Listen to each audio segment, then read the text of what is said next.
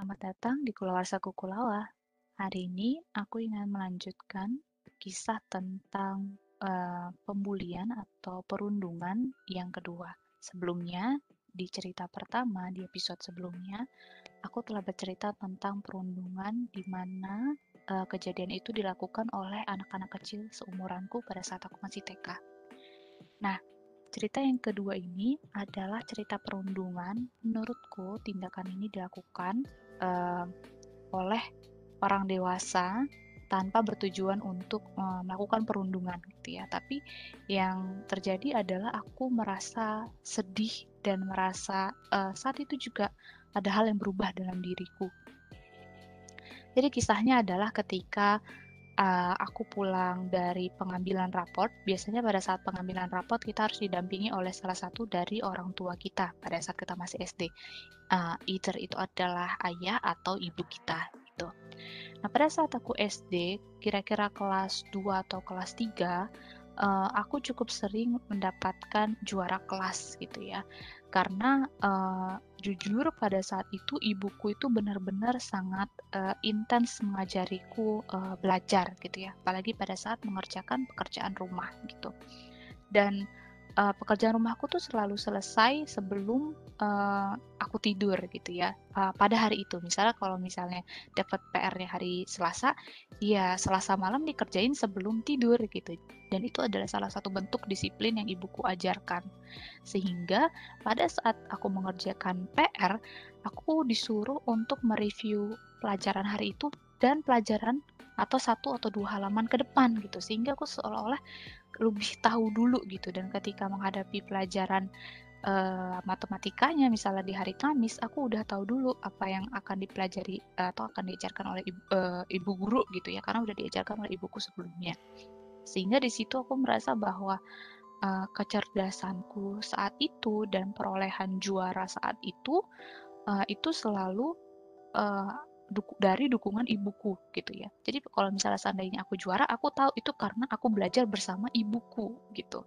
Sehingga pada saat pengambilan rapot dan aku tahu aku juara, ibuku senang dan aku sangat senang gitu loh. Karena itu adalah menurutku salah satu bentuk kerjasama yang sukses gitu ya. Itu pemikiranku pada saat waktu aku SD. Nah, tibalah hari pengambilan rapot di mana aku pergi bersama ibuku. Dan Seingatku, seharusnya kami pulang bersama ayahku, cuman pada saat itu keadaan agak mendung, atau mungkin ayahku lagi ada kerjaan, sehingga aku harus um, ikut pulang bersama dengan temanku yang punya mobil. Pada saat itu, aku dan ibuku, ayahku kita cuma punya motor gitu ya. Sehingga kita nebeng lah gitu.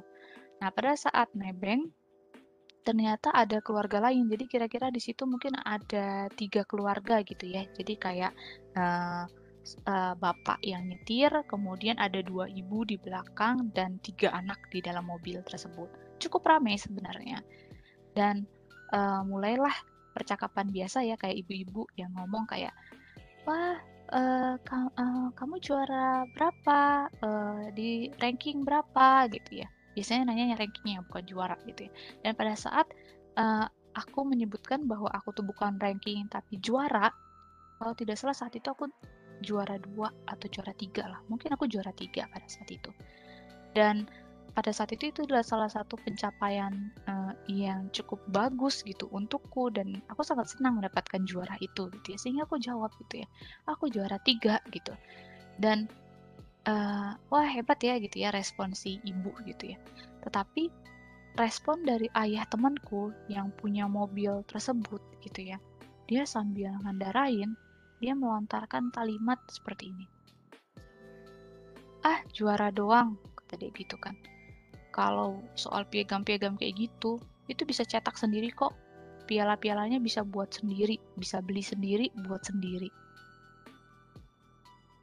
kebayang gak sih perasaanku yang pada saat senang itu aku merasa kayak aku lupa gitu loh akan jasa ibuku.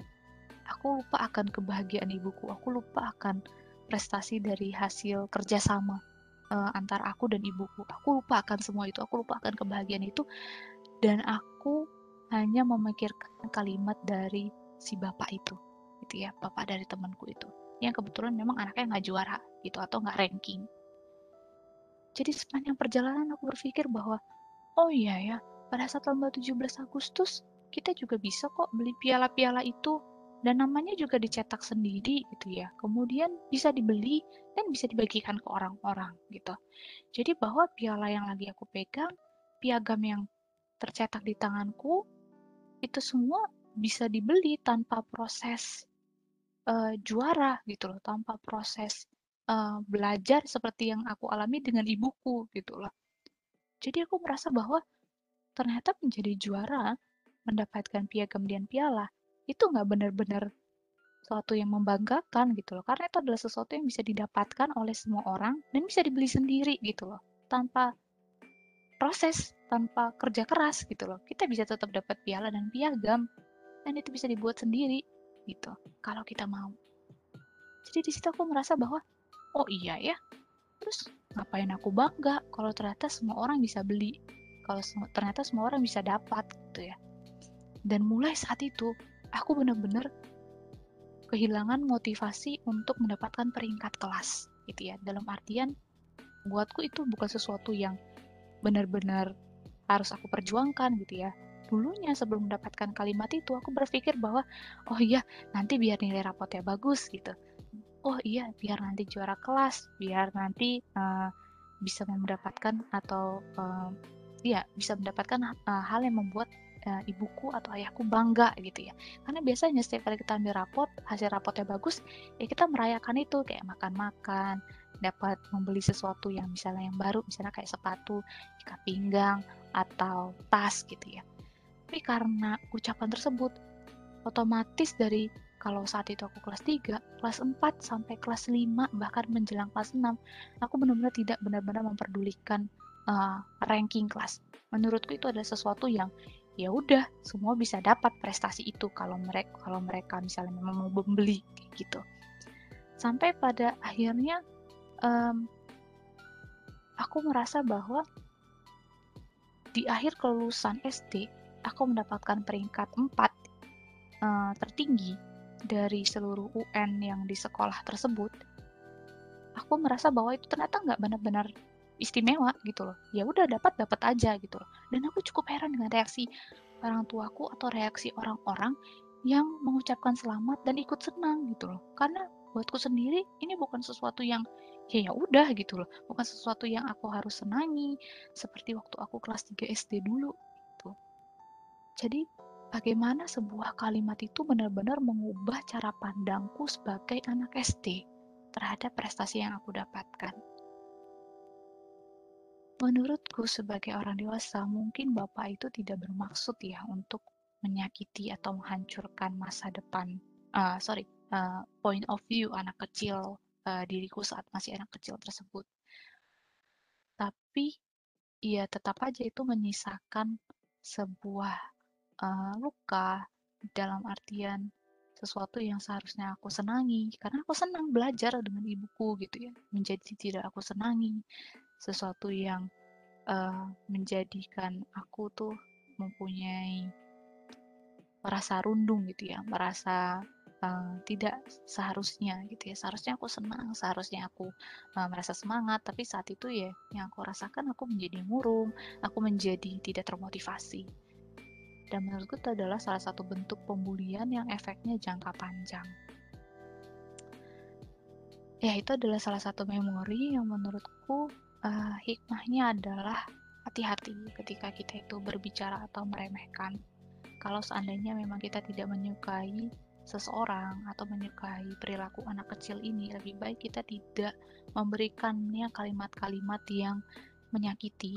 Lebih baik kita tahan dan kita lampiaskan energi kekesalan kita ke hal yang lain daripada kita harus mengeluarkan sebuah kalimat yang ternyata efeknya itu tanpa kita ketahui bisa um, jangka panjang dan bahkan mungkin bisa mengubah pandangan hidupnya sebagai anak kecil.